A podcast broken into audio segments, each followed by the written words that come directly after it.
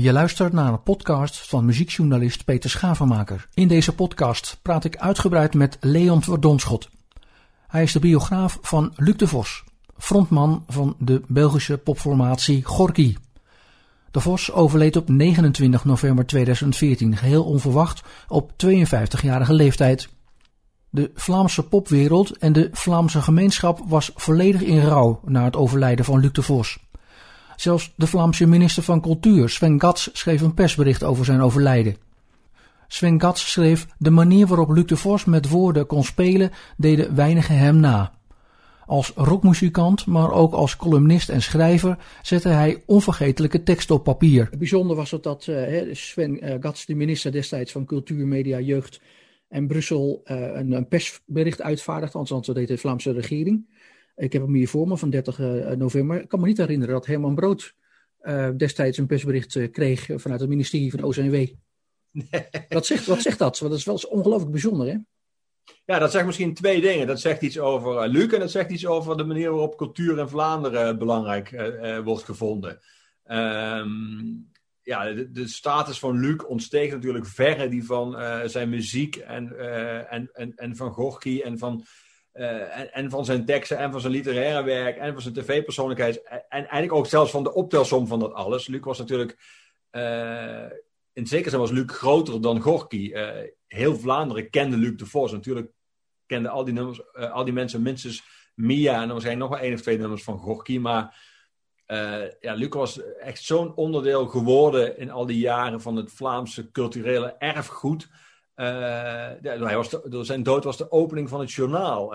met een nieuwslezeres die zelfs uh, ternauwernood emoties kon onderdrukken. Dat, ja, ja Martine. Martine Tange, hè? de nieuwslezeres die dat is. Ja ja, zo iemand die toch wel heel wat verschrikkelijk nieuws heeft moeten voorlezen een hele leven. Mm -hmm. uh, zeer ervaren. Dus ja, dat zegt, dat zegt wel heel veel. Het zegt ook wel iets, vind ik, over ja, dat in Vlaanderen dat dat ook belangrijk wordt geacht. Uh, dat, dat, dat, dat zelfs zeg maar, uh, vanuit het ministerie uh, daar aandacht aan is. Uh, ik denk het geval van, van Herman Brood. Ik kan me niet meer precies herinneren wie ten tijde van Herman Brood de minister van Cultuur was. Ik zou me kunnen voorstellen dat dat ook al met de samenstelling van de regering en met de persoon die minister was. Ik, kan me, als tijdens minister Plasterk bijvoorbeeld Herman Brood zou zijn overleden, ik kan me niet, eigenlijk niet voorstellen dat hij daar niets over gezegd zou hebben.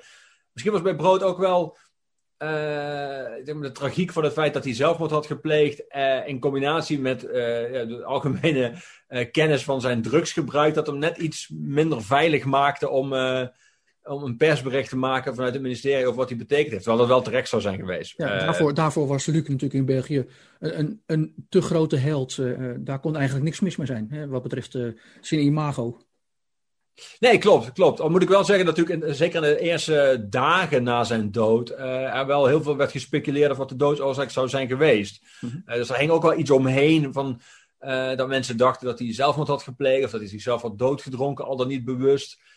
dus dat heeft, dat heeft wel, in het begin heeft dat wel erg de stemming bepaald. Maar ik merkte toen ik, ik was bij zijn begrafenis, stond ik op dat grote plein in Gent tussen 15.000 andere Vlamingen. Ja, daar overheerste alleen maar het enorme verdriet. Uh, daar was niemand meer bezig, maar wat is nou precies? Toen was de mensen ook wel iets duidelijker. Toen was inmiddels het autopsierapport vrijgegeven. Maar toen voelde jij gewoon dat mensen uh, ja, hun, hun Luc de Vos waren uh, kwijtgeraakt. En hoe, hoe, hoe erg ze dat vonden. Ja, de minister zei destijds, ook in de standaard een dag later, de Vos was rebel met franke bek en een snedige verstand. Dus Vlaams, maar prachtig uitgedrukt.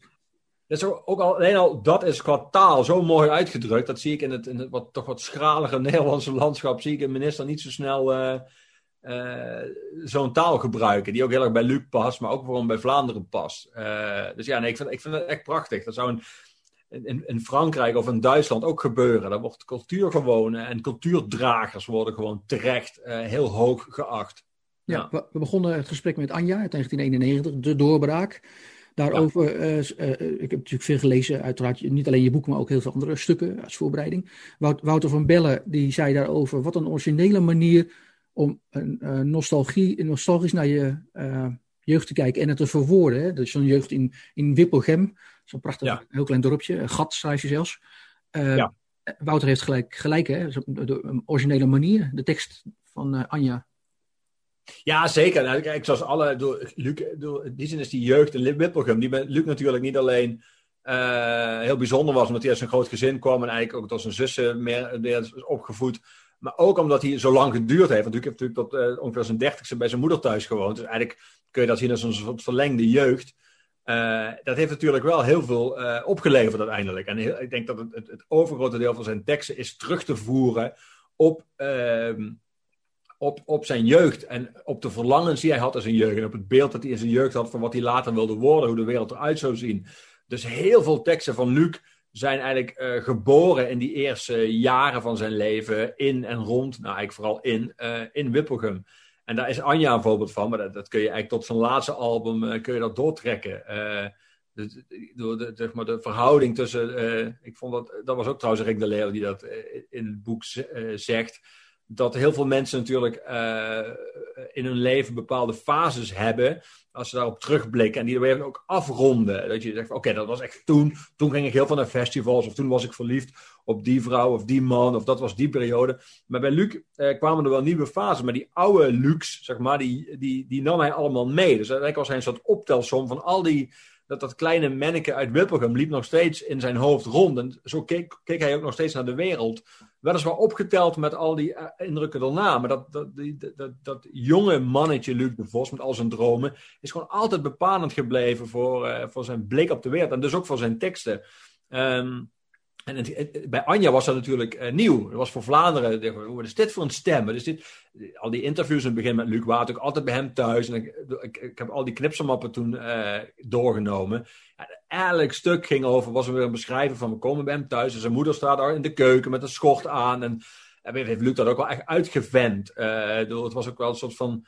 Ja, iedereen in Vlaanderen moest wel één keer een stuk hebben geschreven of een, een televisiebezoek hebben gebracht. En die een beetje merkwaardige man van toch inmiddels ook al dertig, die dan daar in dat kleine dorpje bij Gent nog bij zijn, bij zijn moeder woont en nog nooit een vriendin heeft gehad.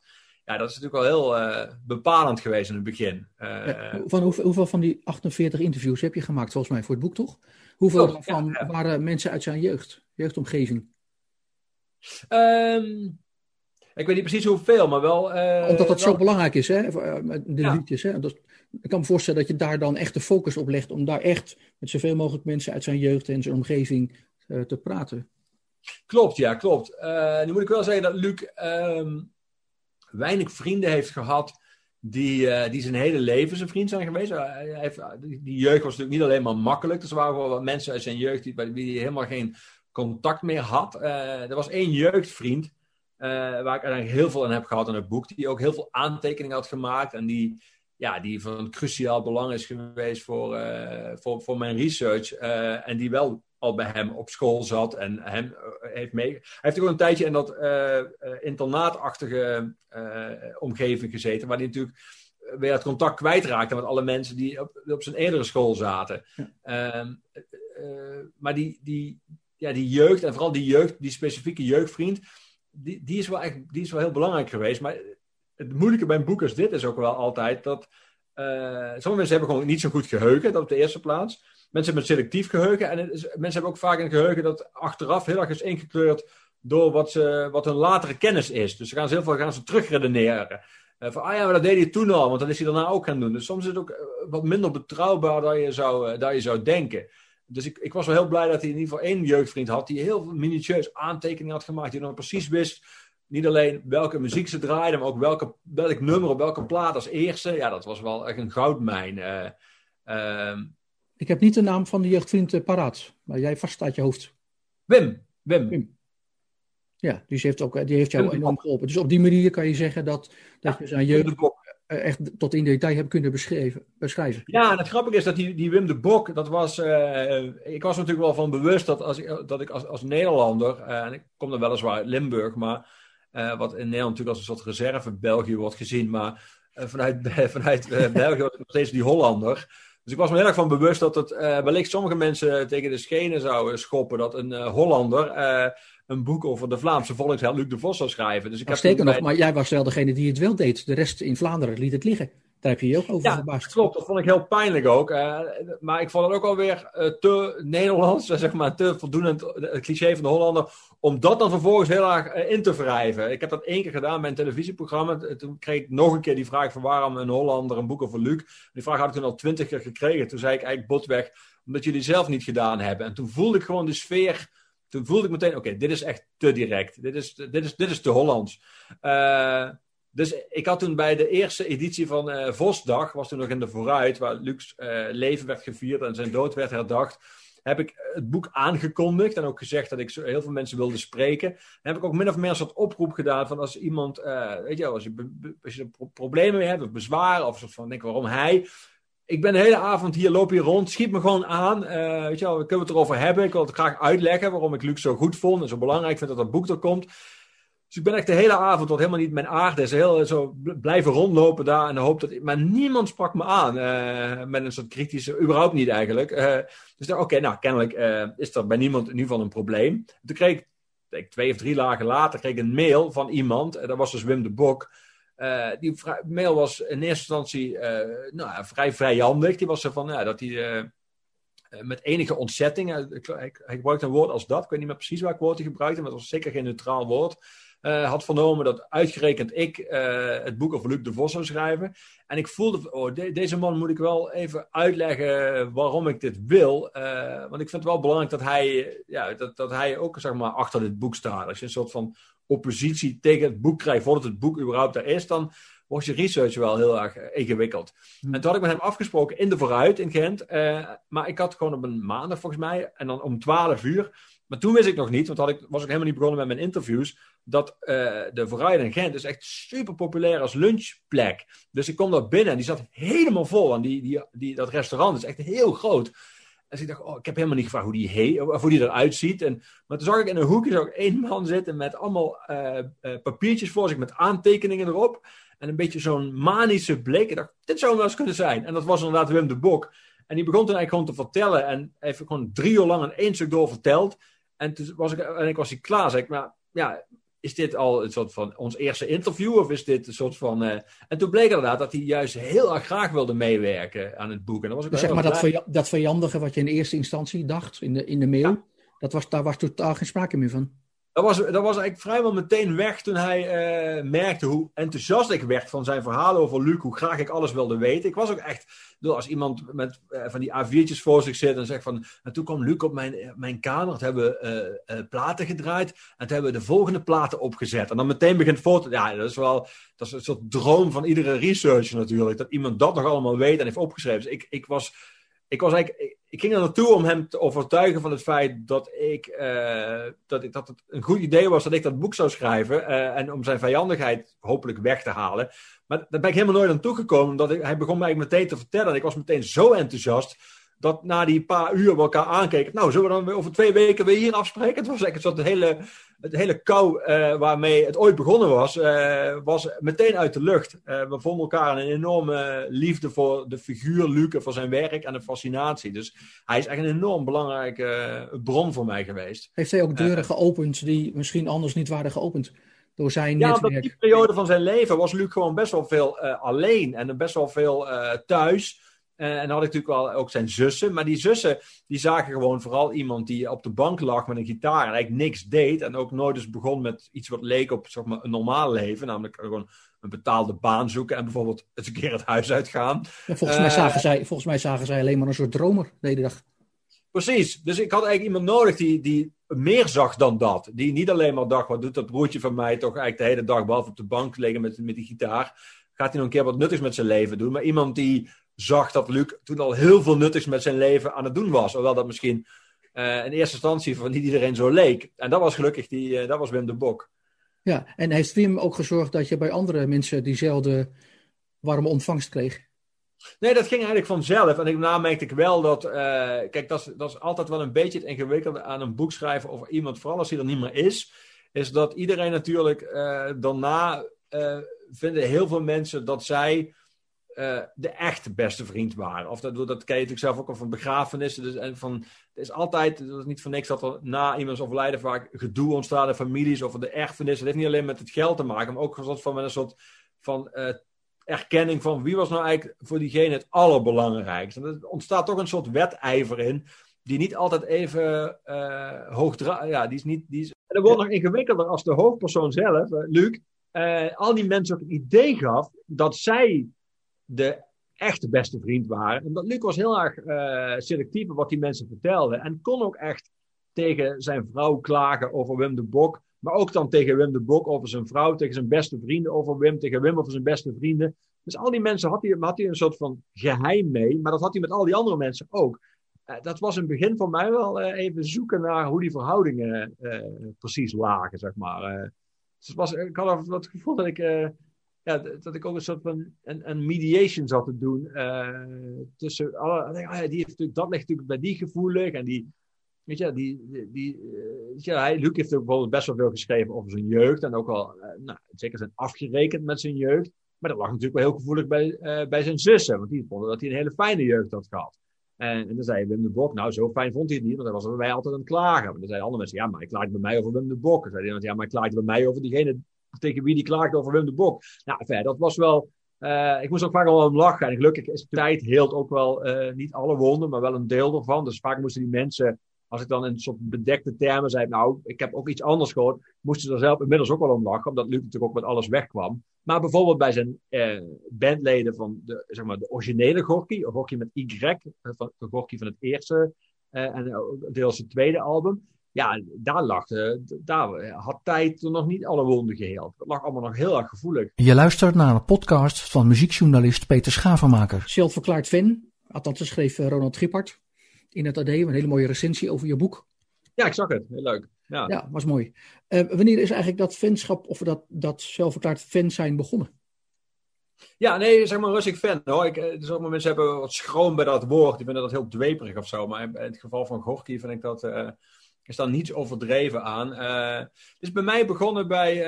Uh, best wel laat eigenlijk. Althans voor voor Vlaamse begrippen zou dat laat zijn. Bij uh, het album Ik Ben Aanwezig. Dat is een 2000 volgens mij. Um, en dus dat is een paar, best wel wat jaren nadat Luc met Gorky al in Vlaanderen al heel groot was. Ja, negen jaar na, de, na de doorbraak hè, eigenlijk met Anja. Ja. Ik werkte toen, nu nog steeds, maar toen voor King FM. en toen hebben we Wie zal voor de kinderen zorgen en Mijn dierbare vijand hebben we heel veel gedraaid. Er zijn radiohits geweest bij King. Ook echt erg geschikt. Echt, echt super goede singles, vind ik. En vanaf toen ben ik Gorky en ook Luc solo en ook zijn literaire werk gaan volgen. En ja, heel fanatiek eigenlijk. En toen heb ik natuurlijk met terugwerkende kracht de albums daarvoor allemaal ontdekt. Die ik tot nu toe dan gemist had.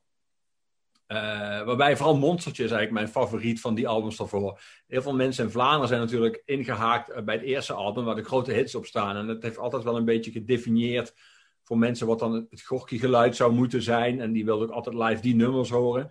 Maar ik ben eigenlijk later ingestapt. En ik, ja, ik vind Ik Ben Aanwezig is nog steeds een van mijn favoriete überhaupt albums aller tijden. Die is me echt zeer dierbaar. Uh, en ik, ik, heb dus nooit bij concerten de neiging gehad om te hopen dat hij vooral heel oud werk zou spelen. Want ik vond zijn nieuwe werk juist altijd heel interessant.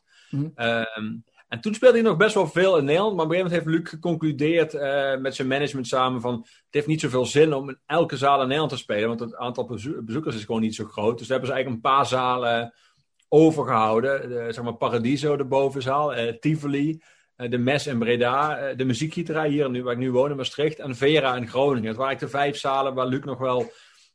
2, 250, 300 mensen op de been kreeg. Genoeg om, om zo'n zaal goed te vullen. En de rest heeft hij er daarna eigenlijk gewoon overgeslagen. Ja, je hebt eigenlijk nooit begrepen waarom Gorky uh, niet eigenlijk um, um, echt super doorgebroken is in Nederland. Hè? Dat is een van de dingen die je nog steeds niet helemaal begrijpt, of wel? Ja, het is, ik denk dat ik het ergens wel... Nou, ik vind het vooral uh, onterecht.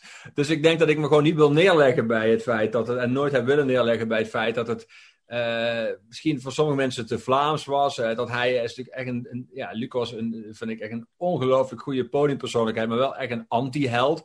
Dat is misschien iets waar Nederland ook niet per se van houdt. het was misschien te talig voor, voor sommige mensen in Nederland. Maar ja, er zijn heel veel artiesten voor wie dat ook geldt. zoals, zoals Spinvis bijvoorbeeld, die terecht wel alle lof en eer en, en vooral ook een groot publiek hebben gekregen. Dus ik vond het vooral ik vond het vooral zo onterecht eigenlijk. Uh, en ja, ik nam heel vaak ook mensen mee naar, naar concerten van Gorky. En die waren altijd heel enthousiast. Maar dat was misschien ook omdat ze wisten dat als ze dat niet waren, dat dat het einde van de vriendschap zou betekenen. Andersom is het wel gelukt. Hè? De Truck en de Keks zijn wel heel erg bekend geworden in België. En dat is toch wel echt... Ja, maar dat is best wel gek. De Truck naar Keks bijvoorbeeld wel. Uh, de Scene ook. De Scene was ook heel groot in België. De Truck naar Keks en de Scene uh, hebben ook wel echt linkjes met Gorky. Die hebben best wel vaak samen opgetreden. Zeker Rick de Leeuw en Luc de Vos hadden natuurlijk wel een, een band. En die hebben vaak er staat een heel mooi, stuk, heel mooi stuk in je boek hè, over de kwetsbaarheid die Rick de Leeuw beschrijft van uh, Luc de Vos. Pagina 100 beschrijf je dat. een prachtige stuk is dat. De openheid ja, en de kwetsbaarheid van, uh, van Luc. Ja, nee, ik had eigenlijk een hele scherpe kijk op Luc, vond ik. Uh, en vind ik. maar andere bands, bijvoorbeeld de Dijk, heeft helemaal nooit een poot in de grond gekregen in Vlaanderen. En dan zou je maar kunnen zeggen, het is te hoekig voor Vlaanderen, te, te, te, te Noord-Hollands. Maar bijvoorbeeld Marco Borsato dan weer wel. Dat had ik dan weer helemaal niet verwacht. Die speelde in België ook gewoon een sportpaleis vol. Ik dacht, dat vinden ze in België veel te groot en pathetisch en een soort van theatraal. En, dus het is, het is best wel soms moeilijk om er zicht op te krijgen wie het wel, weet je, wie, wie het wel voor elkaar krijgt over de grens de ene kant op of de andere kant en wie niet. Maar ja, Luc was inderdaad degene bij wie het de andere kant op dus uh, nauwelijks lukte. Eigenlijk. Ben jij altijd een fan geweest van Belpop? Of? Uh, ja, maar ik ben ook wel echt een rockliefhebber. Dus ik, uh, ik vond sommige Belpop, vond ik, was mij, voor mijn smaak iets te indie. Uh, en ja, ik vond ook gaaf van Luc de Vos dat hij natuurlijk eigenlijk gewoon uh, in zijn hoofd was hij natuurlijk James Hetfield. Uh, qua podiumposes en qua gitaar af en toe gewoon de gitaarversterkers open, wijdbeens op het podium. Ik hou heel erg van die rockpose. Bij Luc had natuurlijk een soort, altijd een soort ironisch tintje, omdat hij er gewoon al niet uitziet als iemand die eigenlijk zijn t-shirt zou moeten uitdoen, wat hij wel deed.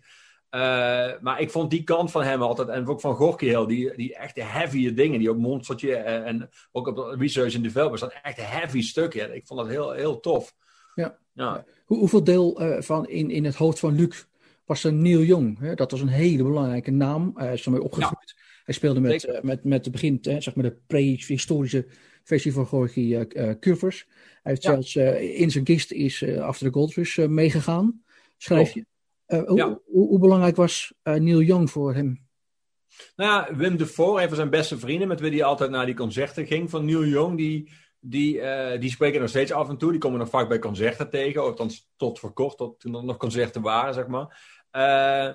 en Neil Young is eigenlijk een van de weinige oude helden van Luc, waar hij altijd fan van is gebleven. Heel veel mensen heeft hij daarna zijn van een voetstuk gevallen. Zelfs Springsteen was hij even klaar mee.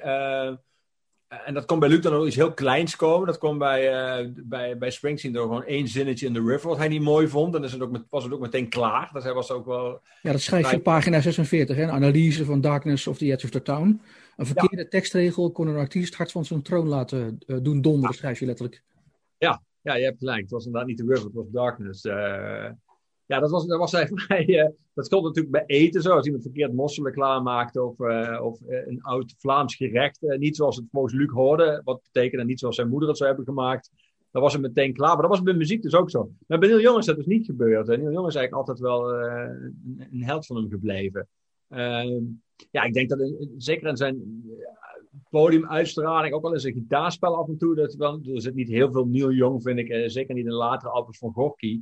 Maar ik denk dat de, de, gewoon de persoon en de, de podiumpersoonlijkheid, en waarschijnlijk wel van deel de gitarist Neil Young, altijd wel uh, invloed is blijven hebben op hem, ja. Ja, en, en After the Gold Search, en je schrijft ook over uh, de Needle en de Damage Done. Welke plaat past het best bij hem, van uh, Young? Ja, ik denk dat, dat, dat de, als je, ik heb Neil Young een paar keer solo gezien, akoestisch. Uh, uh, en, en een paar keer met verschillende bands. Hij heeft natuurlijk verschillende bands die hem begeleid hebben. Uh, die van de zoon van Willie Nelson. Uh, zijn eigen band, ook de leden van Pearl Jam. Uh, ja, ik vind dat zeg maar, de, de zwaar rockende Neil Young, die ook gewoon nummers lang kan rekken met lange solo's en echt wel een soort episch geluid. Dat vind ik wel meer bij Luc passen dan de ingetogen Neil Young, wat, wat, wat, kleinere, bijna kampvuurachtige liedjes. Dus ik denk dat, vooral het hardere werk van Neil Young meer bij Luc past en meer ook over, zeker meer overeenkomsten heeft. Ja, je schrijft in pagina 27 dat zijn broers en zussen eigenlijk vonden dat Luc, eh, ik citeer even, een, een koninklijk leven had. Was dat, was dat wel zo? Of was dat iets wat, wat gewoon ook door Luc misschien gecreëerd is om, om ook later die liedjes een extra waarheid te geven. Had hij wel zo'n koninklijke jeugd? Ja, dat is natuurlijk heel erg afhankelijk van hoe je, hoe je tegen levensbehoeften aankijkt. Kijk, als, je, als, je, als jij ervan uitgaat dat als iemand een dak boven zijn hoofd heeft, zijn moeder lekker voor hem kookt en hij eigenlijk niet geacht wordt verder te werken uh, en dat eigenlijk dus alles prima voor hem in orde is, ja, dan, dan kun je al snel denken, waar, waar klaag jij over man? Je, wij waren allemaal keihard aan het werken. Je lag als wij weggingen op de bank en als we thuis kwamen lag je nog steeds op de bank.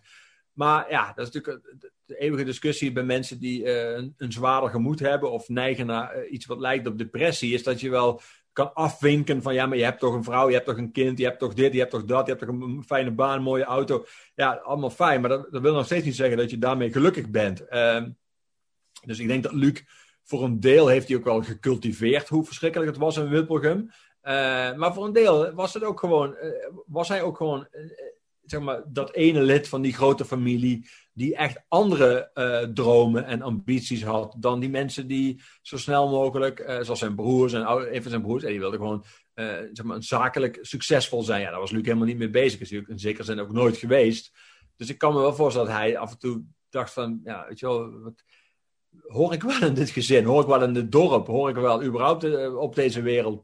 Is er wel plek voor mij op deze wereld? Dus toen die zijn, die, zijn die liedjes dan ook een soort uitvlucht geweest om dat toch ook echt eh, op een andere manier echt een, een, andere wereld voor hem, voor zichzelf te scheppen?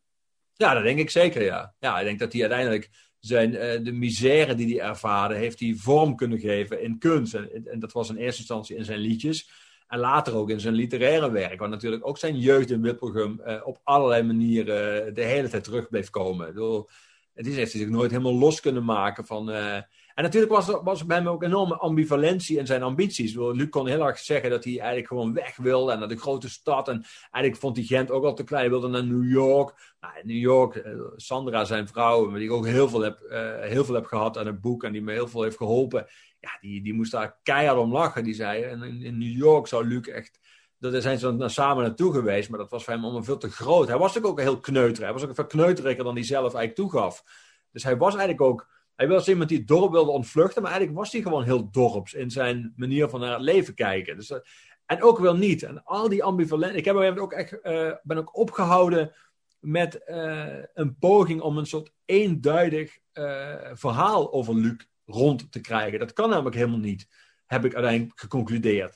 Daarvoor, had hij veel te veel zichzelf uh, tegensprekende en, en een soort van ambivalente en, en, zelfs hypocriete kanten. Die gewoon, en dat allemaal samen maakte Luc de Vos. Dus op sommige vragen valt ook gewoon geen antwoord te geven. Hij was niet het ene of het ander, hij was het juist tegelijk. Was, alleen al als je naar zijn teksten kijkt en recensies, wordt hij net zo vaak een pessimist als een optimist genoemd. Ja, misschien was hij wel een optimistische pessimist of een pessimistische optimist. Het was natuurlijk, dat was juist interessant aan hem, dat hij allerlei van die eh, op zichzelf tegenstrijdige. Hij was natuurlijk heel erg bezig met erotiek en hij gooide dan bij concerten, deed hij dat decolleté werpen, dat hij zo'n plektrum gooide als er een meisje op de eerste rij zat met, uh, met een grote boezem. En tegelijkertijd was hij, uh, fantaseerde hij ook over hoe het zou zijn als die meisje dan daarna mee zou gaan naar de kleedkamer in. Nou, als dat al een keer gebeurde, was hij, dat, was hij volgens doodsbenauwd in een hoekje, durfde hij helemaal niks te zeggen. Dus dan was hij weer dat jongetje uit Wippelgem. Ja, de ene, die, kant, de ene kant zo schrijf je ook, op pagina 243, dat hij een soort rock'n'roll cliché in stand wilde houden. Over de, de, de zogenaamde whisky die hij uh, dan dronk op het podium. Hè, het voorbeeld wat jij gaf is ook een voorbeeld. Dat is natuurlijk ook iets, iets dubbels, hè? Zeker. Ja, nou, maar het was dus ook bij hem nog extra dubbel. Want hij, hij vond dan dat je als artiest moest je whisky drinken op het podium. Dat was altijd zo'n beeld, een soort iconisch beeld van hem, dat je artiest moest zijn. Uh, en vervolgens, uh, hij had natuurlijk op het eind van zijn leven zeker gewoon een, drankprobleem. Dus er waren ook periodes waarin hij niet dronk, helemaal niet. En dan dronk hij water op het podium. En dat was dan zogenaamd whisky. maar hij kon ook daarna weer beginnen met drinken. En dat andere mensen dachten dat nog steeds water. Maar dat was inmiddels wel weer whisky. Dus het is ook een soort van. Ja, ik vond dat ook super fascinerend aan hem natuurlijk. In die zin was het ook uh, zelfs na die 48 interviews, weet je, heel vaak als je uh, iets maakt over iemand, ik maak ook films en ook boeken over andere mensen, heb je het verhaal wel rond. Weet je, dan weet je gewoon, oké, ik, heb, ik ga zoveel mensen interviewen. En eigenlijk na de eerste 15 interviews heb je een soort beeld van iemand en een soort gedrag. Van, nou, meestal, als dit gebeurt, doet hij meestal dat. En bijvoorbeeld mijn laatste boek over uh, Rico Verhoeven, een kickboxkampioen. Ja, dat is natuurlijk een hele monomane man. Die leeft voor de sport. En heeft een heel gedisciplineerde manier van de dingen kijken. Ook vrij zwart-wit. Een beetje zoals een militair denkt. Denkt in instructies en die volgt die op. En je hebt een soort pad naar succes. En dan moet je dit en dit voor doen. En je moet zo en zo en zo trainen. Dit en dit eten. Die en die oefeningen doen. En dan word je wereldkampioen. En bij Rico merkte ik dat ik zo op twee derde van ongeveer dat interviews, ik, ik had het eigenlijk in mijn hoofd al helemaal rond. En ik wist eigenlijk ook gewoon, nu ga ik naar zijn moeder. En die gaat waarschijnlijk vertellen dat hij als kind al, en dat klopt het dan ook helemaal. En ik heb die interviews allemaal wel gedaan, want je altijd nog van die accenten krijgt die dan toch nog interessant zijn. Maar ik was er weer niet meer verbaasd. Bij Luc was ik bij interview 48, bij wijze van spreken, kon ik nog steeds dingen horen. Wat deed hij dat? Weet je, het was altijd, dat, ja, dat maakte het ook geweldig om te doen. Het was zo'n fascinerende in zekere zin ook voor zijn omgeving nog steeds ongrijpbare man. Ja, dat maakt hem natuurlijk heel spannend. Dat maakt ook zijn teksten spannend. Dat maakt hem als op het podium spannend. Uh, ja, in die zin eh, vind ik was het een gedroomde frontman, een gedroomde tekstschrijver, ook een gedroomd onderwerp van boek. Een openbaring vond ik dat, uh, dat hij behoorlijk uh, hield van Ellie en Rickert, hè, van de, de draad van Ariane, had ik niet gedacht. ja. Was dat voor jou ook een openbaring? Ja, dat was echt een openbaring, ja. Ja, vooral omdat uh, Luc, uh, wat ik al heel tof van hem uh, vind en vond, uh, dat allemaal ironieloos deed. Dus zeg maar, heel veel mensen ja, Ellie en Rikker, dat is een soort van geintje of een soort van camp of ironie, maar dat had hij niet. Hij kon, dat vond hij dan oprecht heel goed gemaakte liedjes. Punt. en dat, ja, dat vind ik, ik vind dat altijd heel, ik hou helemaal niet van ironie in, in, in kunstbeleving. Maar ik vind het feit dat Luc een soort ironieloze manier had om, uh, om, om ook zelf uh, te bewonderen. Uh, en ook ongeacht de aard van degene die die bewonderen, of dat wel credible is, of dat het wel, weet je, of, dat, of je daar maar wel mee wegkomt in bepaalde kringen. Ja, dat interesseert hem helemaal niet. Als hij, hem goed, als hij het goed vond, vond hij het goed. Punt uit. Nou, dat vind ik heel tof. Ja, Wouter van Bellen, ik had het net al even over hem, die zei dat Luc zei altijd, we gaan de strafste Nederlandstalige rockplaat maken. Hij had zelfs de wens misschien ook wel een soort droom om een soort uh, plaat te maken als uh, de Pixies schrijf. Is dat ooit gelukt? Ja. Um, ja, ik vind dat, ik vind dat Gorky ja, heel erg veel, heel erg goede platen heeft gemaakt. Maar de strafste Nederlandse rockplaat ja, ik, eh, zoals ik al aan het begin al zei, ik ben, eh, ik ben aanwezig, is, vind, ik echt een, vind ik echt een meesterwerk. En ik vind dat Luc meer een meesterwerk heeft gemaakt. Maar ik denk dat die, uh, die ambitie voor die strasse Nederlandse rockplaat, daarvoor had hij ook te veel dingen die hij tof vond. op andere gebieden had hij te veel invloeden, had hij ook zeker zijn te weinig focus. dus ik denk dat hij, dat hij die ambitie, die specifieke ambitie, uh, dat hij die nooit heeft vervuld. Omdat hij eigenlijk, als hij dan in de studio zat, inmiddels wel weer een andere plaat waar hij helemaal weg. Zoals, uh, zat hij helemaal in Radiohead of zat hij helemaal in een, andere band die hij goed is, Special Pumpkins. Uh, en dan kwamen er allerlei dingen bij. en dan liet hij ook vaak wel andere mensen uiteindelijk soort van de accenten leggen en dingen afmaken. Hij was wel iemand die heel erg, zeg maar, ehm, hoe zeg je dat, in grote lijnen werkte. En daarna was hij eigenlijk met iets anders verder. Dus ik denk dat, omdat, dat hij dat eigenlijk nooit gedaan heeft, omdat hij daarvoor ik denk dat hij wel te weinig gefocust was, uh, zowel voor het schrijven van die grote roman, als voor het maken van die ene epische plaat die hij al, altijd in zijn hoofd had. Uh, maar het was denk ik ook wel iets wat hij gewoon leuk vond om te zeggen. Weet je wel, het is natuurlijk ook iets wat van jezelf een, scho een, schop onder je kont geven als je de studio ingaat. Van we gaan nu dit doen, we gaan hem helemaal.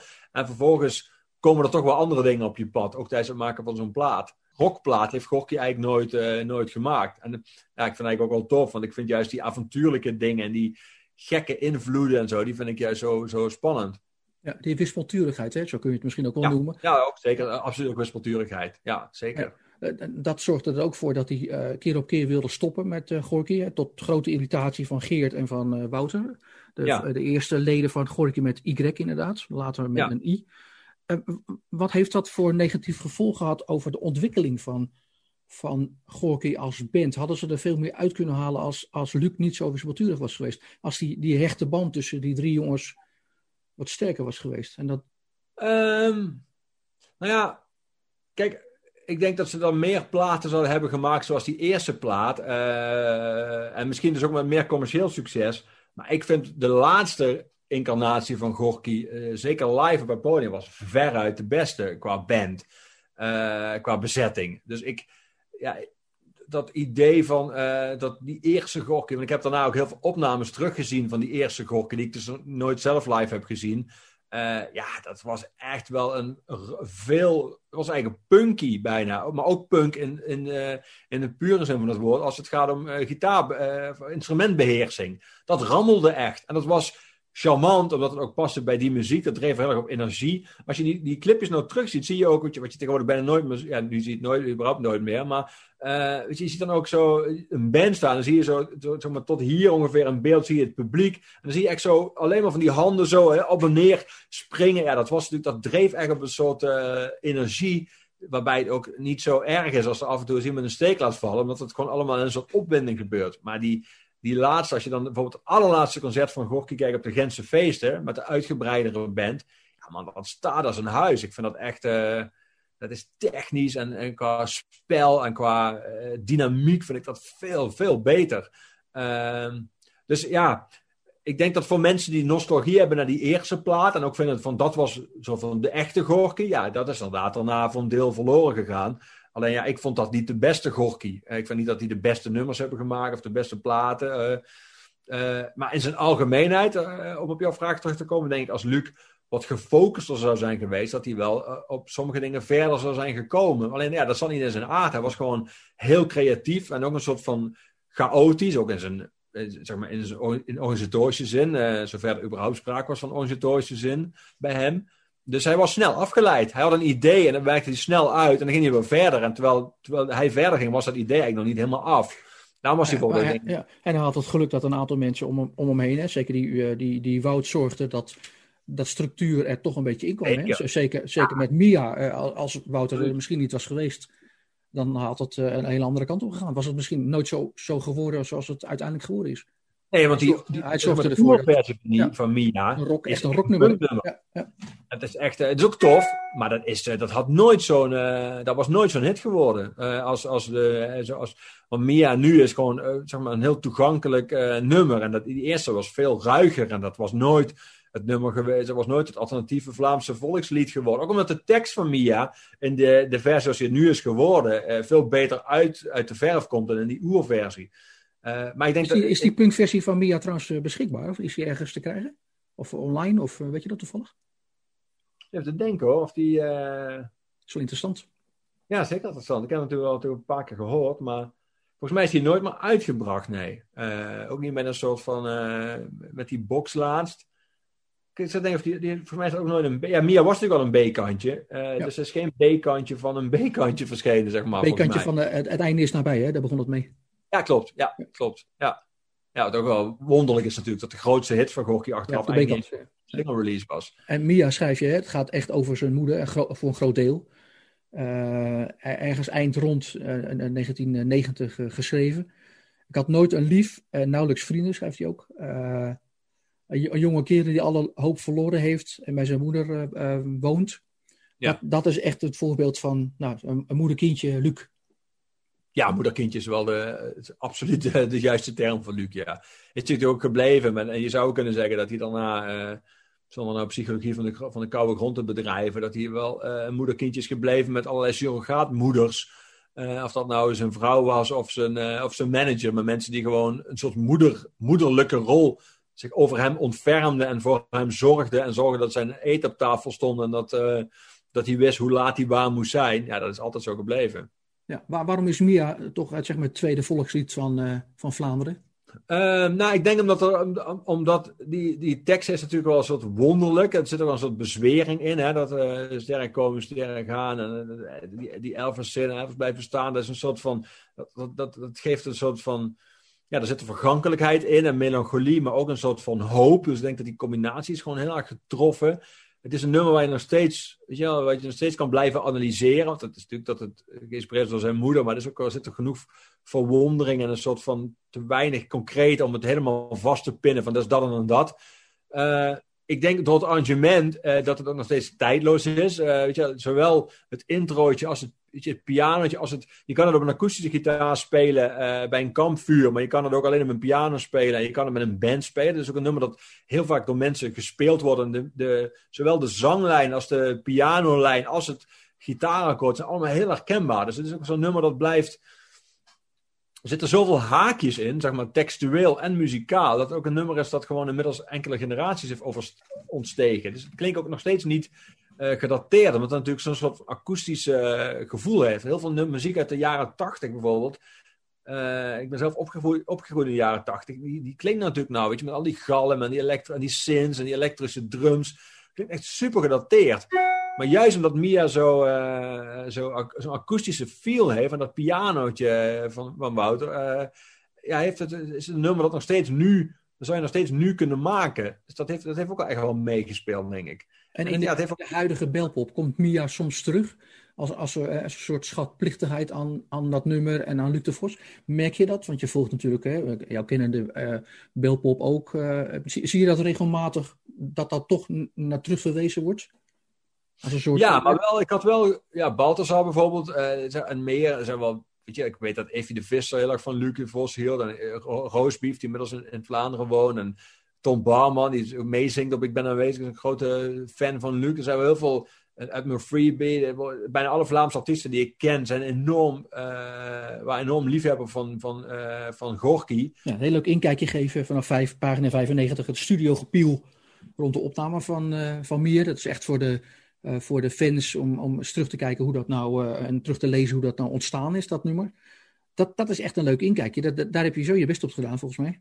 Om dat te beschrijven. Ja, ja, daar heb ik heel erg mijn best op gedaan. Maar dat komt ook omdat natuurlijk iedereen dat uh, heel, nog heel goed wist. Bedoel, dat is het nummer uh, van Gorky voor veel mensen. En, en dat is natuurlijk ook heel bijzonder gegaan. Uh, en ja, zo'n Wouter in dit geval bijvoorbeeld. En ook trouwens de, de andere twee ex-bandleden. Ja, die, die hebben dat gewoon heel goed onthouden. En goed... Wouter had ook nog dingen opgeschreven. En er zijn ook natuurlijk van dingetjes bewaard gebleven. Ja, dat is wel, ja, dat is wel echt te gek. Als dat soort van zo goed... ja, zo goed soort van geregistreerd is door zoveel mensen. Dat je het zo bijna nauwkeurig kan, uh, kan reconstrueren. Ja, volgens mij geldt dat voor veel dingen. Hè? Zoals uh, Lieve Kleine eh, Piranha is, beschrijf je ontstaan in een koffiehoek uh, in 20 minuten. Dat is ook gedocumenteerd. Dat, al die, die dingen, die, die, die bekende dingen, die zijn daar... Ja.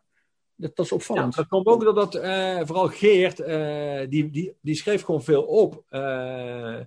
Ja, Luc deed dat natuurlijk niet. Uh, Luc onthield wel dingen, maar vergat ook dingen. En de dingen die hij onthield, maakte hij daarna een mooi verhaal van. En een mooi verhaal is natuurlijk niet per se altijd helemaal zoals het is gegaan. Mhm. Dus ik had heel veel aan die mensen, zoals Wouter ook, de producent van de eerste, de producer van de eerste album. Ja, die, als mensen zelf gewoon goed aantekeningen maken of registreren of dingen bewaren. Ja, dat is wel, uh, dat is wel goud. En dat, dat ja, Luc zelf deed, daar was hij natuurlijk veel te slordig voor. hij had bijvoorbeeld een enorm archief. Dat heb ik allemaal gekregen van zijn... Maar dat was bijgehouden door zijn moeder en door, door Sandra. Uh, en ik kan me herinneren dat ik even het archief mee naar huis kreeg van Sandra. Er waren 16 dozen. En dat ik die eerste openmaakte, dacht ik, jezus man, wat een luxe. Er waren allemaal van die plastic mappen en er stond echt alle krantenknips, zaten zo helemaal netjes uitgeknipt uit een krant of uit een tijdschrift. En dan zo in zo'n plastic folie, weet je wel. Dus ik dacht, ja, dit is gewoon, dit, ja, dit is echt goud. Als je gewoon zo, kun je makkelijk zo neerleggen bij je laptop en dingen overschrijven. Of, uh, dus ik dacht, wauw, dit, dit is goed gedaan. Uh, maar toen maakte ik de tweede doos open en dat was gewoon, ja, dat was eigenlijk gewoon, zeg maar, ik, heb hier, zit hier aan mijn bureau en ik moet opruimen. Dus ik heb hier ook allemaal A4'tjes liggen. En dat is allemaal een soort van, als ik zeg maar een doos zou pakken en ik zou al deze zooi zou gewoon in een doos proppen. En dan net, dat die net nog dicht gaat. Nou, zo. Uh, en daarvoor ook niet een, een, stuk uit een krant knippen, maar gewoon de hele krant erin proppen. Dus dat je een, een, een nieuwsblad van de, of een, uh, een lokale, zeg maar, een dorpsblaadje uit een dorp waar Gorky optrad. Dat je gewoon het hele ding erin propt van 16 pagina's. Dat dan eigenlijk op pagina 14 onderaan blijkt dat de aankondiging zijn van optreden. Met de slotzin, de avond begint om 20 uur. Die eerste archiefdoos was nog van zijn moeder. Die had dat allemaal zo netjes bijgehouden. En dus je had je, had je een beetje rijk gerekend uh, eigenlijk in het begin. Enorm rijk gerekend, ja. De tweede, eh, en alle rest bijna, was uh, door Sandra. Luc zelf bewaarde niks. Dus Sandra had gelukkig al die dingen bewaard. Maar die had, ja, had geen zin om het allemaal netjes uit te knippen en in te...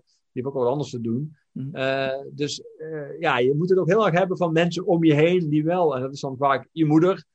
of in het geval van Luc de eerste platen, andere bandleden en een producer. Maar dat was daarna ook niet meer zo. Want daarna moest ik ook heel vaak met mensen, dus bij latere albums, uh, moest ik heel veel gaan graven. Hoe ging dat, dat nummer dan? En ah ja, ja, er werd ook wel wat gedronken, weet je wel. Niet, uh, was geen uh, straight edge band, zal ik maar zeggen. Dus het is ook niet altijd even duidelijk bij iedereen, maar wat nou precies op welk moment tijdens een plaat gebeurde. dus nee, dat was, zeker bij die eerste plaat heb ik er wel veel aan gehad, ja.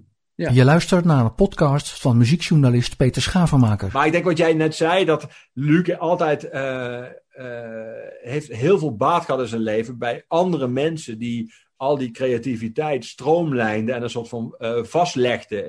of nou is in de studio of in een agenda of op papier. Hij heeft gewoon baat gehad, heel erg baat gehad bij een hele strakke, goede manager, Noele bij een vrouw die, uh, die uh, heel evenwichtig is qua persoonlijkheid en gewoon uh, dingen voor hem regelde. Sandra. Bij vroeger een moeder die gewoon zo dat er eten op tafel stond, dat er een wekker afging en dat er een soort van structuur in huis was. maar ook bij mensen in zijn band. Weet je? Dus Luc moest omringd worden met door mensen en ook door zijn vrienden.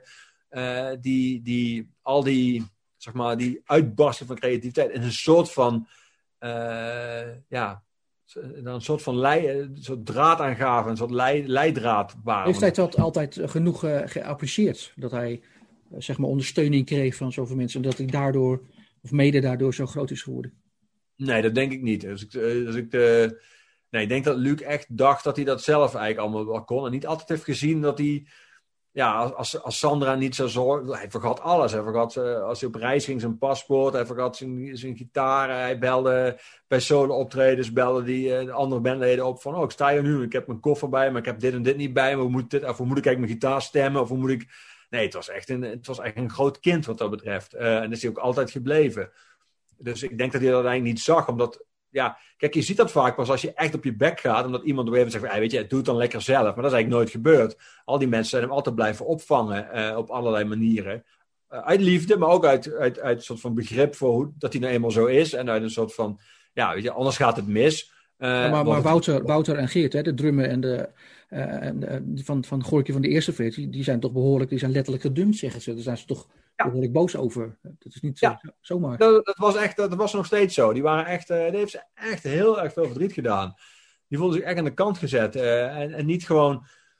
Ik moet zeggen, ik, ik, ik, kan, ik, ik kan wel vermoeden in het, in het begin van het contact al dat zij dat heel uh, heftig vonden. maar ik, ik, schrok nog steeds bij allebei hoe, hoe dat er. Dat was echt. Ja, ik, ik, wil niet, ik vind het altijd vervelend om hele grote woorden te lichtzinnig te gebruiken. Maar zeg maar, de, het begrip trauma is toch regelmatig bij me opgekomen uh, tijdens mijn gesprekken met die mannen. Uh, en ja, ik vind dat hij dat soort dingen heeft. Luc wel echt. Kijk, natuurlijk kun je even besluiten. Het is altijd bij bands. Laten we eerlijk zijn. Luc was het creatieve brein van Gorky in, in, in menig opzicht. Dus ja, dat, dan, ja, dan kun je af en toe besluiten dat, je, dat het beter is voor de band of voor jezelf. als je met andere mensen verder gaat. Dat is natuurlijk altijd pijnlijk. Zeker als je net bent doorgebroken. maar dat, dat had hij wel dat had enorm gescheeld als Luc dat op een andere manier had aangepakt. Alleen ja, Luc was ook een zeer, zeer conflictvermijdende man. Uh, die desalniettemin wel regelmatig in conflictueuze situaties terechtkwam. Uh, en dat liet hij dan andere mensen oplossen. In dit geval Noele.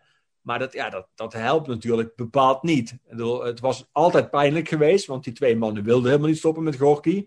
Maar het, het had wel aanmerkelijk minder pijnlijk kunnen uitpakken als Luc uh, op dit gebied niet dat grote kind was geweest. Dat denk ik, kijk gewoon de andere kant op en dan is het, als ik dan weer terugkijk, is het allemaal afgelopen. Ja, nee, dat, maar heeft Wouter de, de juiste credits gekregen voor de piano riff die hij heeft gebracht voor, eh, bedacht voor Mia, denk je? Nou, het zit wel in de aard van Wouter dat hij uh, zichzelf genoeg credits geeft. Dus ik denk dat als hij die credits niet heeft gekregen van Luc, heeft hij dat dan nou wel zelf. Uh, want overal waar ik hem tegenkwam in, in de research, en ook daarna is er nog een soort tv-special op een gokje gemaakt. En ook toen, hij heeft zo vaak kunnen zeggen dat hij uh, die piano, en, terecht hè, dat heeft hij ook gedaan. Maar dat heeft, hij, dat heeft hij zelf al opgelost. Daar is hij mondig genoeg voor en ook zelfbewust genoeg voor. Maar juist de mensen die dat niet zijn, uh, en die, uh, die bijna te vergeefs wachten op die erkenning van Luc, ja, die hebben dat niet gekregen. Zoals die eerste bandleden of andere mensen in, in, hun leven met wie die op een met wie het contact gewoon ophield. Daar was hij gewoon niet zo goed. Hij was niet goed in dingen afronden. Zowel niet in creatief gebied, maar ook niet in menselijke relaties. Ik had gehoopt toen Luc overleed uh, dat, um, dat meer dan Mia en uh, Anja zou zijn blijven hangen. Dat er ook een soort van enorme herinteresse en herwaardering zou komen voor, voor zijn andere werk. En ook voor zijn literaire werk. En ik moet toch met enige pijn vaststellen dat ik, ik zelf de indruk heb, maar ik ben inmiddels natuurlijk ook alweer een buitenstaander, want toen was ik een jaar lang heel veel in Gent en in Vlaanderen en nu natuurlijk ook bijna nooit meer. Dat ik de indruk heb dat het nu, zeg maar, dat er toch, ja, dat het toch uiteindelijk weer is teruggevallen tot de nummers die al de iconische nummers van Gorky waren of zo. Uh, uh, ja, ik had bijvoorbeeld gedacht, mijn boek heeft, heeft, twee, heeft in eerste instantie heel, heel goed gedaan. Heeft een half jaar in, in de top 10 gestaan. Uh, en daarna is het soort van nog wel, zijn er nog drukken bijgekomen, maar ben is dat ook wel een soort van opgehouden. En ik had een beetje gehoopt, niet omdat ik, dat mijn boek is, maar ik ik, mijn idee achter het boek is ook dat ik wilde bijdragen aan het soort van de, erfenis van Luc levend houden. En ik, dus laatst gelukkig wel, maar toen die, toen die box uitkwam, is dat volgens mij wel weer, en weet je, van een paar jaar na zijn dood. Maar ja, misschien is waar ik moeite mee had toen Gorky er nog was en Luc er nog was, dat ik het frustrerend en pijnlijk vond dat ze Nederland maar niet groter werden dan ze waren, vind ik het misschien nog steeds ook pijnlijk dat ze eh, ook met, zeg maar, met terugwerkende kracht of na zijn overlijden niet alsnog van alles is gebeurd. Ik vind gewoon nog steeds eh, dat uh, Gorky en Luc uh, groter hadden moeten zijn en blijven. Maar dat, ja, dat, dat, hier spreekt denk ik gewoon echt de, de gefrustreerde fan. Ja, maar, maar het is wel zo dat jouw boek, hè, we begonnen het gesprek mee dat, dat er heel veel mensen toch, toch raar keken naar die Hollander die zo brutaal was eh, eh, door te zeggen, ja, jullie doen het niet, dus ik doe het maar. Mhm. Eh, dus uiteindelijk is het wel zo dat, dat in Vlaanderen jouw boek wel een juiste plek heeft gekregen als, als erkenning voor hun volksheld. Dat, is toch, dat is toch misschien wel de, de, de, de mooiste bekroning die je hebt kunnen krijgen. Ja, zeker. Daar ben ik ook heel blij mee. Daar was ik ook heel trots op. het is ongelooflijk goed ontvangen. en het heeft ook echt heel goed gedaan. Uh, en ik denk dat die recensies, zeker die eerste twee recensies in de humor en de, en, en de standaard, die op de dag van de verschijning verschenen, en die allebei ja, zeer, zeer lovend waren, dat die ook wel een soort van eh, kritische noot die er misschien nog, of, een soort achterdok van eh, die Hollander, dat dat meteen weg was. Omdat ik kreeg een soort goedkeuringsstempel van, ja, dit is misschien wel een Hollander, maar hij heeft het wel in ieder geval goed gedaan. Ja, daar was ik, ik, ik kan niet dat stoer, daar was ik wel heel opgelucht over, want ik had het heel erg gevonden als ik, als zeg maar, uh, het boek over Luc was afgerekend op de, uh, op de achtergrond van de schrijver, zeg maar. Uh, dat had ik echt heel zuur gevonden. Ja, maar, maar je, bent geen, je bent geen Edinburger van Wippelgem geworden, toch? nee, ik heb als, wel nog... als erkenning. Nee, maar wel, ik heb wel nog, eh, vond ik echt superleuk. In Wippelgem, eh, op de oude basisschool, heb ik een, eh, was een avond gewijd aan het boek waar ik heb voorgelezen en ben geïnterviewd. En waar dan heel veel oud-klasgenoten van hem zaten. Dat vond ik echt zo bijzonder, vond ik echt ontroerend. Ja, geweldig. Dus, Mooi. Ja, en ik had wel het gevoel dat, dat vond ik zelf echt heel uh, tof om daar een deel van te, uit te mogen maken. Dat, kijk, toen Luc overleed, was Vlaanderen gewoon in rouw. En die rouw heeft best wel lang geduurd. En dan was ook zo van. Iedereen was eigenlijk vooral heel verdrietig dat Luc er niet meer was. Waardoor je, wat natuurlijk altijd zo is als iemand overlijdt die je dierbaar is. En dan komt er een soort punt waarop je, naast het feit dat je nog steeds heel erg vindt dat diegene er niet meer is, ook uh, weer uh, jezelf moet, mag toestaan om ook leuke herinneringen op te halen. In ieder geval blij te zijn dat je hem hebt, hebt gekend, dat hij er is geweest en zo. Uh, en ik heb het gevoel uh, dat het verschijnen van het boek, omdat het ook ongeveer kleine twee jaar na zijn dood, anderhalf jaar na zijn dood, dat was eigenlijk juist het moment voor mensen om weer eens naast verdrietig ook alweer een soort van allemaal die leuke verhalen op te halen en die mooie herinneringen. En dat boek heeft daar wel een rol in gespeeld. Ook bij die avonden merkte dat mensen die eigenlijk alle laatste keren dat ze aan Luc de Vos hadden gedacht, waren ze eigenlijk vooral heel verdrietig. En nu mochten ze ook alweer een keer lachen. Hij was toch ook verschrikkelijk grappig, omdat hij ook zo slim was. Uh, dus ik vond het ook heel uh, mooi om te zien bij die avond. Dat mensen met tranen in de ogen en een soort van smakelijk. Soort van, die, iedereen had ook die ene Luc de Vos anekdote. Want die natuurlijk in Vlaanderen heel veel in Gent. Iedereen die in Gent woonde, had, was wel een keer Luc de Vos tegengekomen. Mhm. En had een gesprekje met hem gehad. En had, had Luc daarna, die heel ongemakkelijk was met gesprekken met vreemden. En een soort van socializing en small talk. Daar hield hij helemaal niet van. Maar dat wist hij dan meestal op te lossen met een soort grappig typisch Luc de Vossiaans zinnetje. Wat dan, dat zinnetje was wat die mensen de rest van hun leven onthielden. Van, ja, toen kwam ik hem tegen, toen zei hij nog dit. En ik vond het echt heel tof om daar onderdeel van te mogen zijn met dat boek. Dat iedereen dan die ene eigen Luc de Vos anekdote ging vertellen. En, uh, en dat ze dus ook in plaats van alleen maar verdrietig waren, anderhalf jaar later ook alweer een soort van glimlach kregen. Dat, is, er bij jou nog, is er bij jou nog sprake van verdriet dat hij er niet meer is? Ja, ik mis hem wel echt. Hè. Ik mis hem. Uh, ja, ik mis ook, ik draai nog best wel veel Gorky, uh, maar ik mis gewoon, uh, ik mis zijn concerten, ik mis gewoon zijn persoonlijkheid. Er is ook geen ja, er was, er was maar één Luc de Vos. Er is ook niemand die... Ja, zijn zoon doet me heel erg aan hem denken, ook fysiek. Maar er is niemand op een podium die... Ja, die, die, die die, dat, die dat, die plek heeft opgevangen. Er zijn ook een paar artiesten die in een bepaalde hoek zitten. En als dan één artiest wegvalt, heb je nog een paar anderen die ongeveer ook zo. Maar dat heb ik bij Luc helemaal niet. Er, is, er was maar één Luc de Vos. Ik ben ook heel blij dat Gorky, uh, hoewel ik het ontzettend uh, verdrietig vond van de bandleden, uh, dat ze nooit zijn doorgegaan. Er is nooit sprake van geweest. Weet je? Er zijn natuurlijk pijnlijke voorbeelden van, van Queen en van InXS. En van, er zijn zoveel bands die dan denken, nou dan gaan we wel door. Dan maar zonder Freddie Mercury. Weet je? Hoe kun je nou denken dat je ooit zonder Freddie Mercury nog een band kan? Weet je, dat is bij, bij Gorky niet gebeurd. Ik denk dat er een, uh, een, schokgolf door Vlaanderen was gegaan als dat was gebeurd. Ja, ja terecht. Ja, dat, heeft ook, dat zegt ook wel iets. Dat iemand maar die poging heeft gedaan om dat, uh, dat te doen. Uh, ja, terwijl dat ook wel bands zijn waarbij de zanger overlijdt. Zelfs legendarische zangers, dat eerlijk zijn. Weet je, Bon Scott van ACDC. Uh, zijn natuurlijk onvervangbare frontmannen, toch vervangen. En soms viel het nog goed uit ook.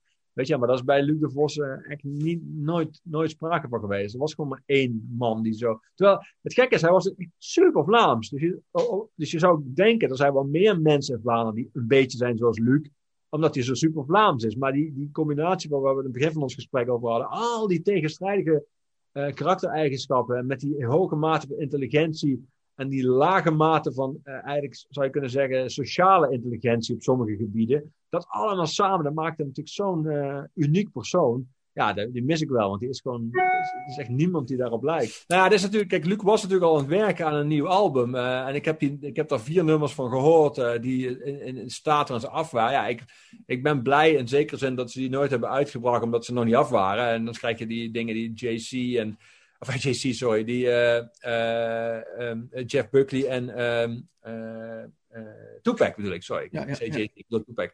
Hebben gehad dat hun, in dit geval hun moeder, dat had bij Luc dan niet gekund, maar hun moeder dan de rechten beheerde. Dat eigenlijk allemaal van die dingen verschijnen. Dan denk ik, ja, dat, dat, daar was hij nog aan bezig, maar dat had hij in deze vorm nooit in de buitenwereld willen tonen. Terwijl ik, die, die nummers die, die ze afhadden, waren er vier.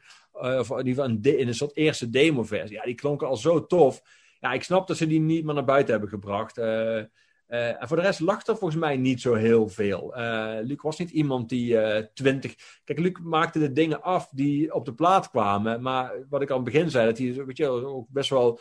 Nou, niet een lange, enorm lange attention span had. Was hij, datgene wat moest gebeuren, dat maakte hij. En de rest maakte hij niet. Dus weet je wat Springsteen heeft, dat hij nog hele kluizen vol heeft met gewoon hele platen die al af zijn. Ja, dat, heeft, dat had Luc niet. Dus ik denk niet dat er nog heel veel van zijn muzikale werk nog heel veel zal komen. Ik hoop alleen wel dat ooit, dat lijkt mij echt heel tof, dat er, en ook vind ik ook dat hij dat verdient, dat er nog een soort mooie, echt zoals die box die we nu hebben van zijn muziek, dat er een keer een box komt met, uh, met al zijn literaire werken, een mooie, verzamel, uh, mooie verzamelbundel. Ja. En dan liefst ook met, met, met Christophe Wekeman, die heeft een prachtige selectie gemaakt van zijn mooiste columns, dat die er dan bij komt. En ik zou me kunnen voorstellen dat er nog een soort van weet je, dat een paar mensen nog iets schrijven over het werk van Luc. Uh, ik heb dat een keer bij zijn uitgever laten vallen, ook dat ik daar zeer bereid ben om eraan mee te werken. Maar ja, daar is, dat is nog, nog niks van gekomen. En dat, dat vind ik wel jammer. Uh, ja. Ook dat werk verdient het gewoon om nog op later gelezen te worden. Ja, maar hij is nog steeds een mythe in België. Dat zeker. Blijft, dat, Blijft, dat blijft toch in de eeuwigheid, denk ik. Ja, nee, ook. Uh, dat is zijn enige waar hij echt naast zat niet alleen Elvers, maar ook Luc uh, is blijven bestaan in die zin. Dank voor het mooie gesprek. Heel graag gedaan. Dankjewel ja. voor de uitnodiging.